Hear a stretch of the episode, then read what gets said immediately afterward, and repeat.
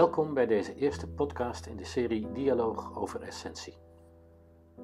Ramo de Boer en ik, Bert van Dijk, zijn begonnen aan deze serie omdat we graag onze professionele ervaring met de essentie van aandacht, denken en interactie willen delen.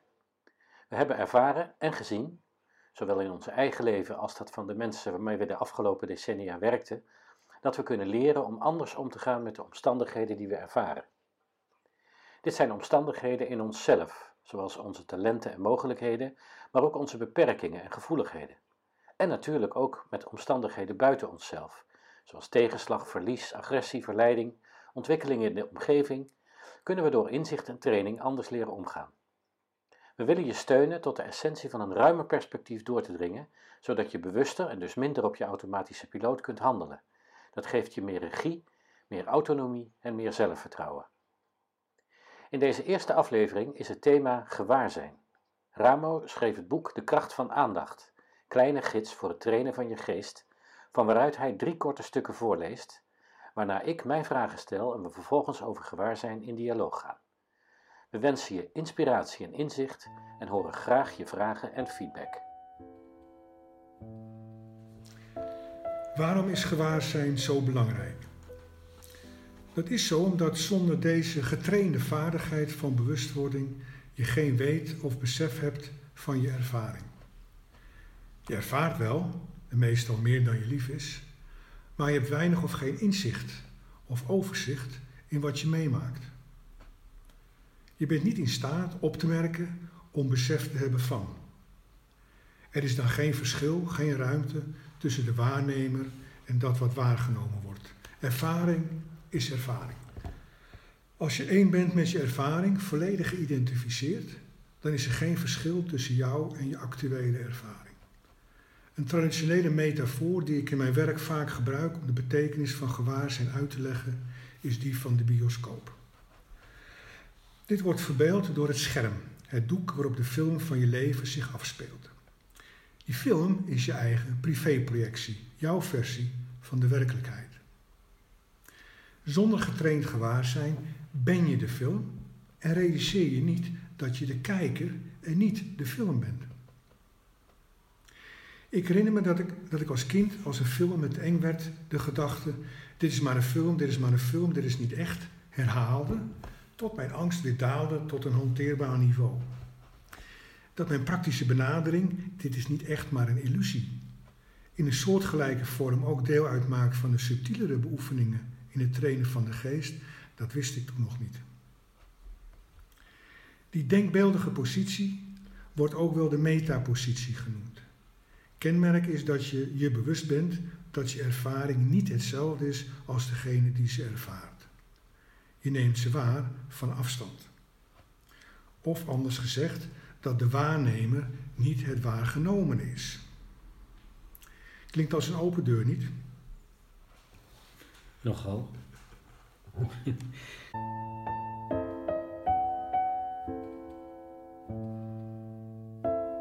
Ik heb een vraag over dat gewaarzijn. Waar is wat je meent waar te nemen altijd een illusie?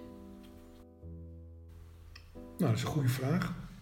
En vooral omdat het woord illusie uh, ja, heeft in ons dagelijks taalgebruik denk ik een hele simpele betekenis. Dat je ziet iets wat er eigenlijk niet is. Fata Morgana of uh, nou, noem maar op tegenwoordig heel actueel, denk ik, illusie. Met nepnieuws en uh, aanverwante zaken. Maar we kunnen een onderscheid maken, wat in het boeddhisme eigenlijk uh, vrij standaard gedaan wordt, tussen uh, absolute werkelijkheid en relatieve werkelijkheid. Dus als ik dan direct van daaruit antwoord, dan zou ik zeggen, ja, absoluut gezien is alles wat jij waarneemt een illusie en relatief gezien niet. De relatieve werkelijkheid wordt gezien als die waarin wij niet vanuit het perspectief vanuit oorspronkelijk puur gewaarzijn waarnemen, maar vanuit persoonlijk gewaarzijn. Dus zeg maar, eh, er is een werkelijkheid, maar wij hebben als het ware altijd een bril op, hè, waar jij in jouw boek ook aan refereert. We noemen dat een perspectief of een referentiekader. En dat is eigenlijk altijd actief. Op absoluut niveau niet, maar op relatief niveau wel. En wij, ongetraind als we over het algemeen zijn, eh, bevinden ons doorgaans gewoon in de relatieve werkelijkheid. Dat betekent dat we te maken hebben met hoe wij dingen ervaren. Mhm. Nou, als we terugkijken naar die uh, metafoor van de bioscoop, kunnen we zeggen, wij projecteren, hè, want een bioscoop bestaat bij de gratie van een lamp uh, in een projector, in een kast, waar een, uh, een film beeldjes heel snel met een bepaalde snelheid voorbij komen met een lens en die projecteert dat beeld op dat scherm. Nou, niet een, een soortgelijk fenomeen vindt in ons, onszelf plaats. Wij en, dat pure licht wordt wel eens gezien als, uh, als puur gewaarzijn. En wat wij ervaren is wat wij zien op het scherm. Dus als ik, als ik nou refereer aan deze werkelijkheid, ik zie jou tegenover me zitten, uh, dan zie ik jou dus niet echt. Dat is eigenlijk een illusie. Dus jij bent eigenlijk een illusie. Um, uh, mag ik daar zo op terugkomen? Ja, nee, ik ga even dit afmaken en dan komen we vanzelf bij het antwoord op die vraag. Want dat is natuurlijk wel een heel voor de hand liggende vraag. Dus we projecteren. Wat is dan wat we projecteren? Nou, dat is eigenlijk ons hele verleden, onze herinneringen, onze aannames, onze verwachtingen en herinneringen. Uh, die, die projecteren onmiddellijk op wat we zien, op wat we waarnemen. Hè? Of we nou iets zien of horen of ruiken of voelen op ons zintuigelijke waarneming. En, en daardoor wordt die, uh, zeg maar, absolute werkelijkheid, die we eigenlijk nauwelijks ooit waarnemen, die wordt daardoor tot onze persoonlijke werkelijkheid. En hij wordt persoonlijk individueel op het moment dat we ons daar ook mee identificeren. Het probleem daarvan is, uh, als we ons daar te veel mee identificeren, is dat we onze werkelijkheid, zoals wij die waarnemen, dat wordt dan ook meteen de werkelijkheid en in het verlengde daarvan de waarheid omdat wij eigenlijk heel moeilijk in staat zijn om het perspectief van iemand anders in te nemen. Want die andere persoon, jij hebt andere projecties dan ik heb. Nou, een voordeel van dat fenomeen dat alles een illusie is, hè, maar wel het onderscheid tussen absoluut en relatief. Het voordeel is dat we die werkelijkheid kunnen herkennen. Want we zijn daar zeer mee bekend. En daardoor wordt het relatief eenvoudig om te hanteren. Uh, we krijgen dan wel vaak meer van hetzelfde. Dus ons leven heeft een, uh, een redelijke saaigheidsgehalte, omdat we eigenlijk onze projecties vrij uh, stabiel zijn.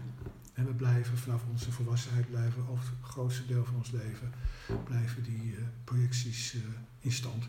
En mensen zijn altijd dit, of mensen doen nooit dat, ja. of dat zijn. Nou, kun, het kan wel veranderen, dat noemen we dan persoonlijke ontwikkeling of live events, als er sterke dingen gebeuren, overlijden van iemand die je naast staat of andere leuke of vervelende dingen. Loterij winnen kan ook je, een live event zijn, waardoor je hele perspectief verandert.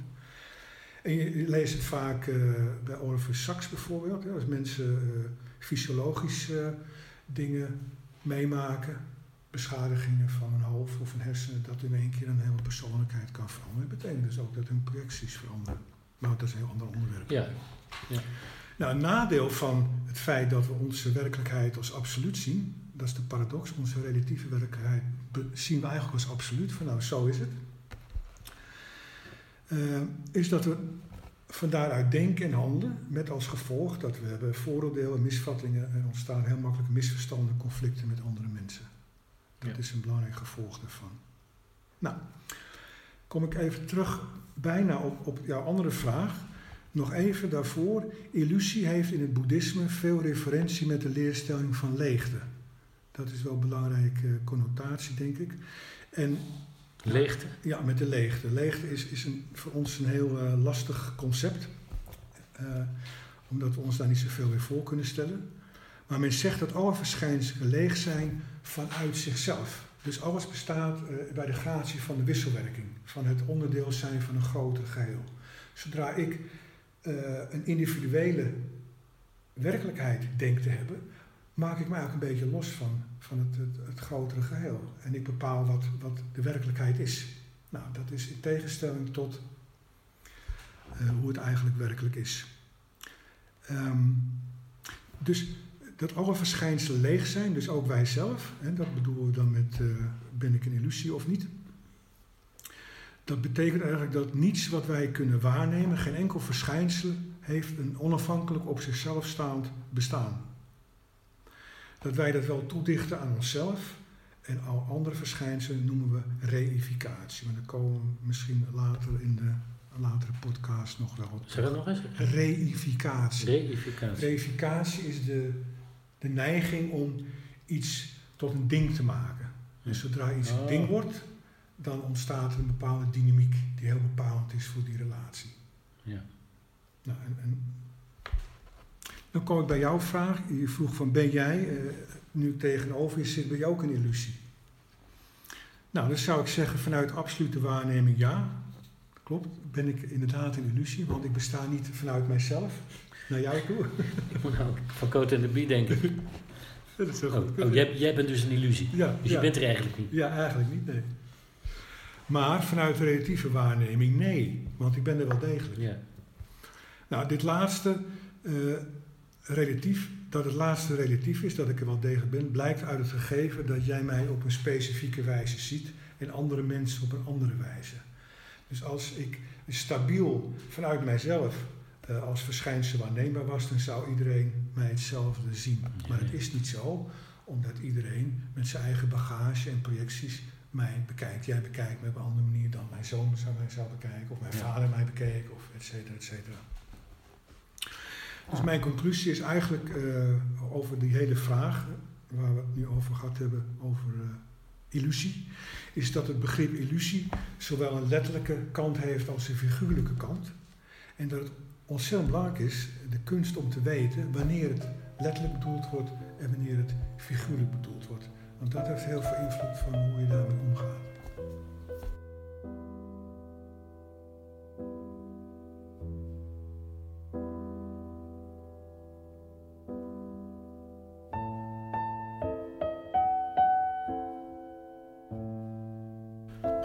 Trainen. Open deuren, eind van het laatste stukje wat ik voorlas. Open deuren betekenen vaak dat we intuïtief wel zien dat het zo in elkaar steekt. Wat overigens niet wil zeggen dat we het ook snappen. Maar dat zegt nog weinig over ons niveau van praktische toepassing.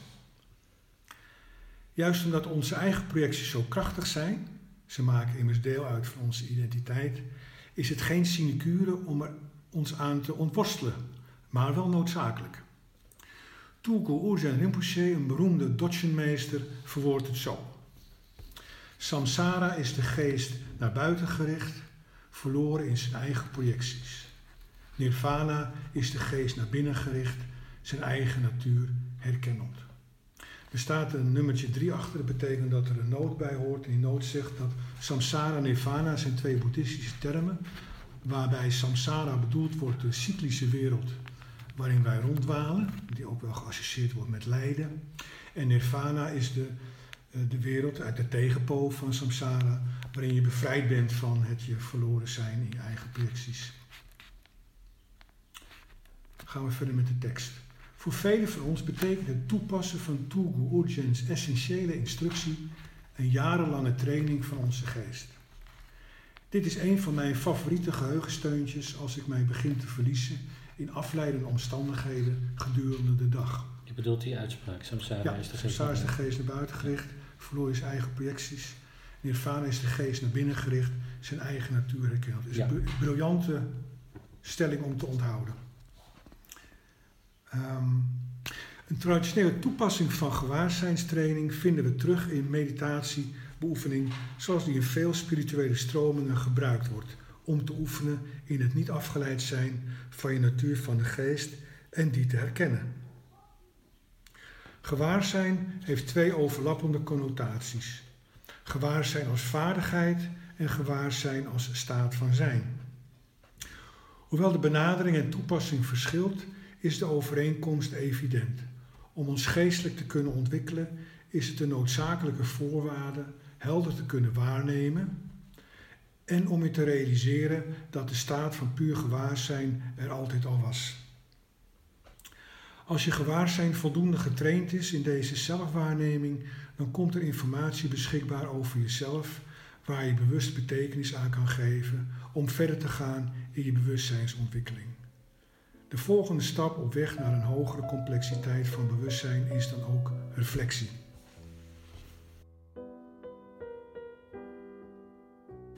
Trainen van je gewaarzijn. De, dan, het eerste waar ik tegenaan loop is het woord projectie. Wat zijn dat?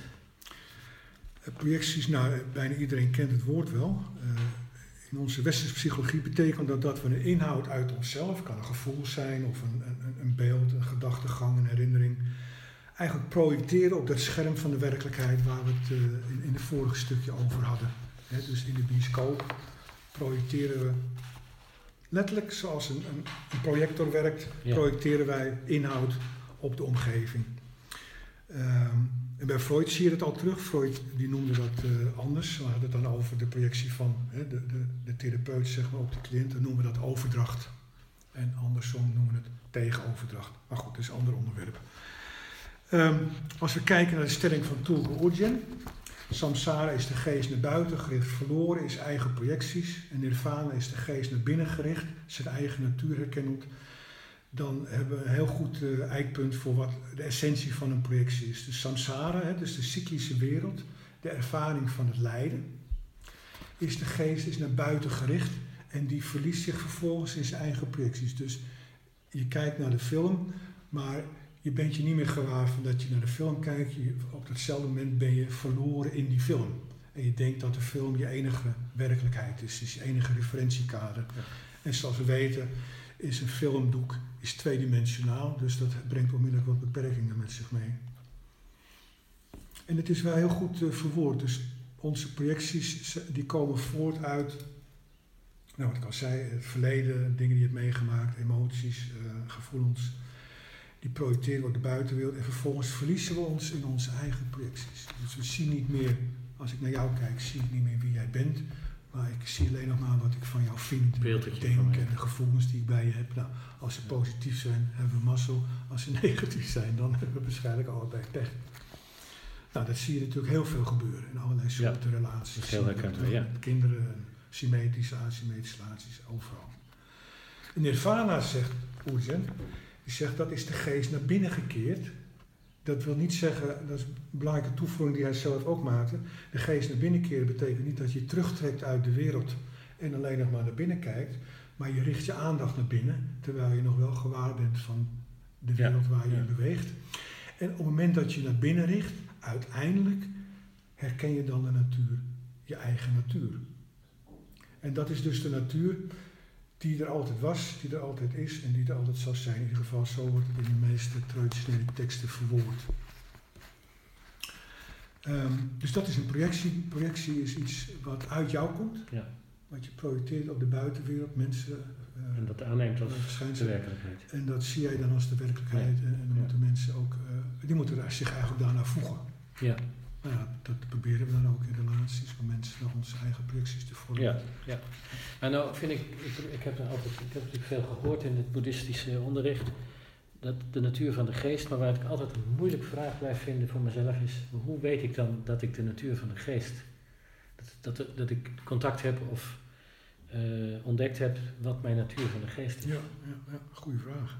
Ja, dit is misschien wel een van de grootste moeilijke vragen die er te bedenken valt over überhaupt uh, ik al bang voor. boeddhistisch onderricht. Of uh, verlichting of ontwaking. Het is maar net welke term uh, satori wat je dan ook wil gebruiken daarvoor. Um, er zijn wel een aantal dingen over te zeggen, denk ik. Zowel vanuit het onderricht als vanuit mijn eigen ervaring. In ieder geval, laten we beginnen bij waar we gebleven zijn. In ieder geval kunnen we vaststellen als je de natuur van de geest hebt ontdekt, op dat moment dat je één bent met de natuur van de geest, ben je niet meer verloren in je projecties. Dus dat is een belangrijk eikpunt. Ja. Je zou kunnen zeggen, er zijn een aantal eikpunten of uh, dingen die je kan afstrepen. Als je die nog waarneemt, nou, dan ben je in ieder geval niet de natuur van de geest. Want eh, het lastige van de natuur van de geest is dat die bevindt zich eigenlijk in een non-conceptuele werkelijkheid. er, wordt, er wordt buiten wat ik eerder over had, net bij de vorige, het vorige stukje en vragen, uh, hadden we het over de absolute werkelijkheid en de relatieve werkelijkheid. Nou, een andere terminologie daarvoor is synoniemen zijn uh, conceptuele werkelijkheid en een non-conceptuele oh, werkelijkheid. Non-conceptuele werkelijkheid is absoluut. Dus die gaat voorbij aan alle concepten. Nou, alles wat jij en ik kunnen bedenken, of wat tot nu toe door de mensheid bedacht is, zijn allemaal concepten.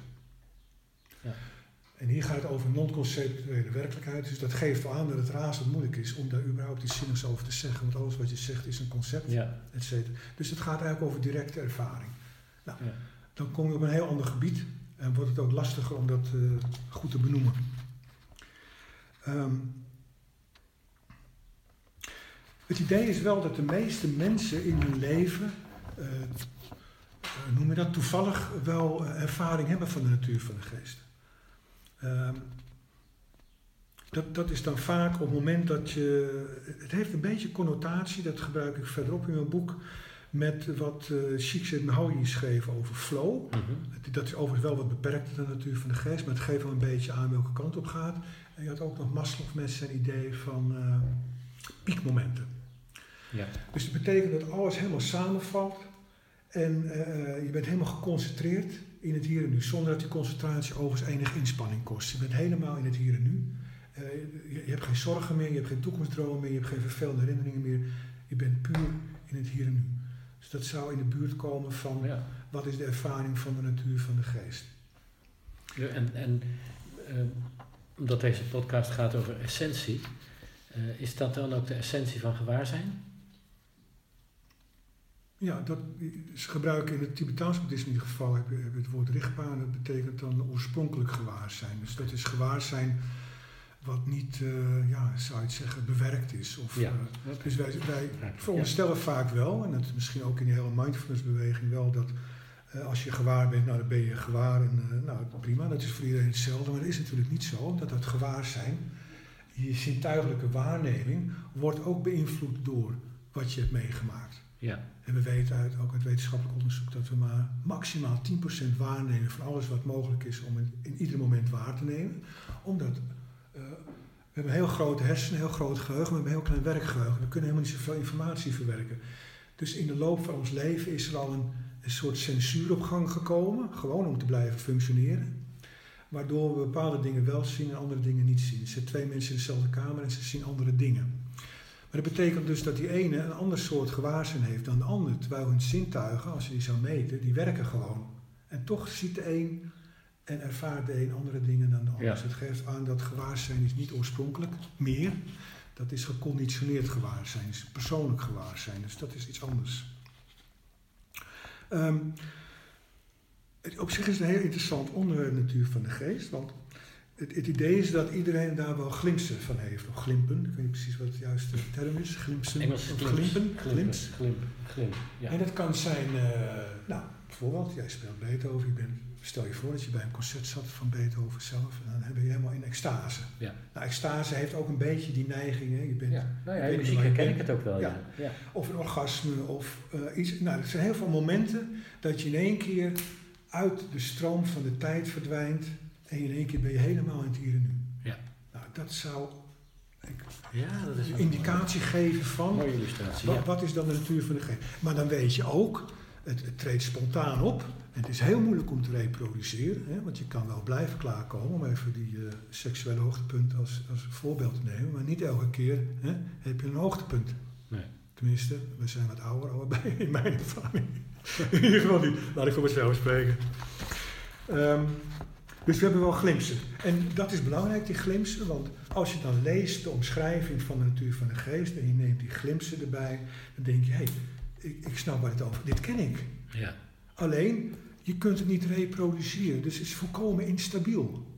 Dus je kunt zeggen dat het hele spirituele pad, en dan heb ik het niet over New Age, maar over authentieke spirituele paden, is bedoeld om die, die glimpsen die er zijn, om die te stabiliseren waardoor het uiteindelijk permanent is. Dat is eigenlijk bij alle beoefening, alle meditatievormen, alle lojo. Dus dan ben je vrij van alle projecties en alle. Van alle projecties, alle, alle reactiviteit. Dan, dan leef je in een non-conceptuele werkelijkheid. Precies. Concepten zijn er nog steeds, die zijn ook tot je beschikking. Want uh, stel je voor dat je dat gerealiseerd hebt en je wil andere mensen daarover onderricht geven. Dan heb je toch weer concepten nodig, want je gaat je mond open doen en je gaat boeken schrijven, et cetera. Um, dus wat ik voor mezelf, uh, ik, ik heb er ook heel lang mee geworsteld, van ja, wat is het nou precies, je verlangt ernaar, maar je weet het niet precies. En nou, die zegt dit erover, die zegt dat erover. Dus lang verhaal kort te maken, voor mezelf um, gebruik de volgende omschrijving. De natuur van de geest stabiel is, of de ontwaakte staat is volkomen vrij van enige reactiviteit. Er, is geen, er zijn geen triggers meer van buiten die bepaald gedrag veroorzaken. Ehm, of het is de staat, kun je ook anders omschrijven, van volkomen niets doen. Als je kijkt naar Dodshin-onderricht, dan is de hoogste vorm van, een van de hogere vormen van meditatie, non-meditatie. En non-meditatie betekent, je doet helemaal niets. Nou, ik kan je wel vertellen dat helemaal niets doen is ontzettend moeilijk. En zoals Ellen Wallace dat zegt, zegt nou, uh, helemaal niets doen is wat er overblijft als je helemaal niets doet. dat is een beetje een cryptische uitspraak. Maar het betekent eh, dat je bent in de staat van zijn, dus waar we het eerder over hadden, je hebt, staat, je hebt gewaarzijn als actie, handeling, en je hebt gewaarzijn als staat van zijn. Dit gaat over staat van zijn. Is voorbij gehechtheid en afkeer, dat zijn de traditionele boeddhistische dingen. Synoniemen zijn hoop en angst of verslaving en anarchie. Dus je bent in de staat die daar helemaal vrij van is. Ja. Nou, dat geeft natuurlijk ontzettende rust en ruimte. Leegte. Ja, ik, ik ben het woord leegte, waar we het eerder over hadden, dat was natuurlijk een lastig concept. Ik ben dat zelf gaan vervangen door ruimte. Ruimte, ja. Ruimte waarin alles, want dat is eigenlijk de essentie van die leegte. Alles kan gebeuren. Alles kan gebeuren, alles is nog potentie. Ja. Dus ruimte Ja, geeft schitterend. verder aan de leegte. Nou, over dat gewaarzijn, omdat ik heb, ik heb het vaak zo uitgelegd dat als je je gewaar bent, dat je dan al je zintuigen open hebt. Dus als ik bijvoorbeeld over straat loop en ik ben me bewust van wat ik allemaal zie en hoor, is dat dan gewaarzijn? Ja, natuurlijk. Ja, dat is gewaarzijn. Dus gewaarzijn is, eh, als je kijkt naar het Engelse woord, awareness, is being aware of. Dus het is zintuigelijke waarneming. Als we het echt vertalen in het Nederlands, dat gaan gewaarzijn is helemaal niks magisch. Maar ik moet erbij zeggen, eh, wij gebruiken natuurlijk traditioneel vijf zintuigen. Maar het is natuurlijk evident in boeddhisme en spirituele tradities dat, dat er een heel belangrijk zesde zintuig is en dat is je geest. Want zonder je geest zouden al die eh, elektrische stroompjes die door die zintuigen binnenkomen, die zouden niet geïnterpreteerd worden of verwerkt worden of tot, Nee. tot beeld, geluid of wat dan ook Niet waargenomen worden. worden. Maar belangrijk is wel om te weten dat ehm, of je vrijelijk 360 graden, ik noem maar even 360 Ja. graden gewaar bent, dus binnen en buiten trouwens. Het gaat niet alleen maar wat je buiten waarneemt, maar ook wat je binnen waarneemt. Ehm, of je in de gaten hebt of, of dat helemaal vrij is, of dat je toch nog die 360 graden waarneming als het ware beperkt wordt door oude gewoonten van denken en doen. Nou, voor de meeste mensen is dat wel zo. Hè, wat ik net al zei over die 10%. Je neemt meestal niet alles waar wat er waar te nemen valt. En als, als ik dan even nog in mijn voorbeeld van ik loop over straat en ik zie in een winkel een, eh, een auto staan, ik zeg maar wat, dat ik denk die vind ik mooi, dan raak ik af van mijn gewaarzijn. Eh, nou, dat zou kunnen. Dat zou, het zou, Want ik wil hem hebben. Ah, als je wil hebben, dan word je afgeleid. Ja. Ja. En ik wil, hem nu, rekenen. ik wil hem nu hebben, ik ga meteen rekenen hoeveel Ja. geld ik kan. Ja, Ja. dan ben je afgeleid. Ja, Dus dan neem je in één keer heel veel dingen niet meer waar. Precies. Ja. Dus dan wordt je gewaarzijn vernauwd. Ja. Nou, traditioneel wordt het afleiding genoemd. Dus als je helemaal alert aanwezig bent, want dat is een goede omschrijving van, van, van volledig gewaarzijn, dan ben je niet meer afgeleid. Nee. Uh, Niet door iets wat zich in jou afspeelt, maar ook niet iets wat zich buiten afspeelt. Ja. Uiteraard reageer je wel adequaat als er wat gebeurt. Als je oversteekt en er komt de auto keihard aanrijden, dan heb je dat in de gaten en dan of je stapt even terug of je loopt snel door. Het is niet, het is niet een of andere, ju- het is juist geen dromerige staat van zijn. Je bent helemaal alert aanwezig. Ja. ja. Ehm, nou, net al zei, dus voor de meeste van ons, of we nou gewoon alert aanwezig op straat willen lopen, of we willen eh, ontwaken, of, of die natuur van de geest realiseren, dat betekent eigenlijk dat we onszelf moeten trainen en waarschijnlijk over een zeer lange periode. En waarom is het zo? Omdat ons, onze geest is van nature vrij onrustig. En die natuur van de geest die is altijd aanwezig. En dat is eigenlijk, eh, ja, als ik het stelmatig zou uitzeggen, dan zeg je, je hebt een figuur in de achtergrond. Dat die natuur van de geest is altijd op de achtergrond. Maar wij zijn zo geïdentificeerd met die figuur. Denk maar even aan dat scherm waar je al je projecties op afspelen. Dat we hebben die, we hebben eigenlijk geen weet meer van de projector, van die achtergrond. Nee. We zijn helemaal, als een goede film is trouwens. Maar ja, ons leven is natuurlijk een fantastische film. Hoop tragedie. Ja. In ieder geval, die, die zuigt ons helemaal erin. En, en, dus, en om je weer eh, zeg maar, gewaar te worden van die natuur van de geest, moet die geest tot rust komen. Die, die, dat andere deel van die geest die zo druk bezig is. Ja. In, in het boeddhisme wordt dat een neurotische aap genoemd die in de ronde springt de hele dag. Dus veel mensen zullen zeggen, ja, natuur van de geest, wat is dat? Die, heb, die is er niet, die heb ik niet. En dat komt omdat je gewoon veel te veel Ja. te druk bent en je bent te veel naar buiten gericht. Dus om dat te bereiken moet je eerder met iets stoppen dan dat je ergens aan begint. Dan, daarom is, dat dient eigenlijk meditatie voor in al Ja. zijn vormen. Dus om die geest tot rust te brengen en, en de, de, de heldere aanwezigheid, de alerte aanwezigheid te vergroten. Hartstikke helder. Ja.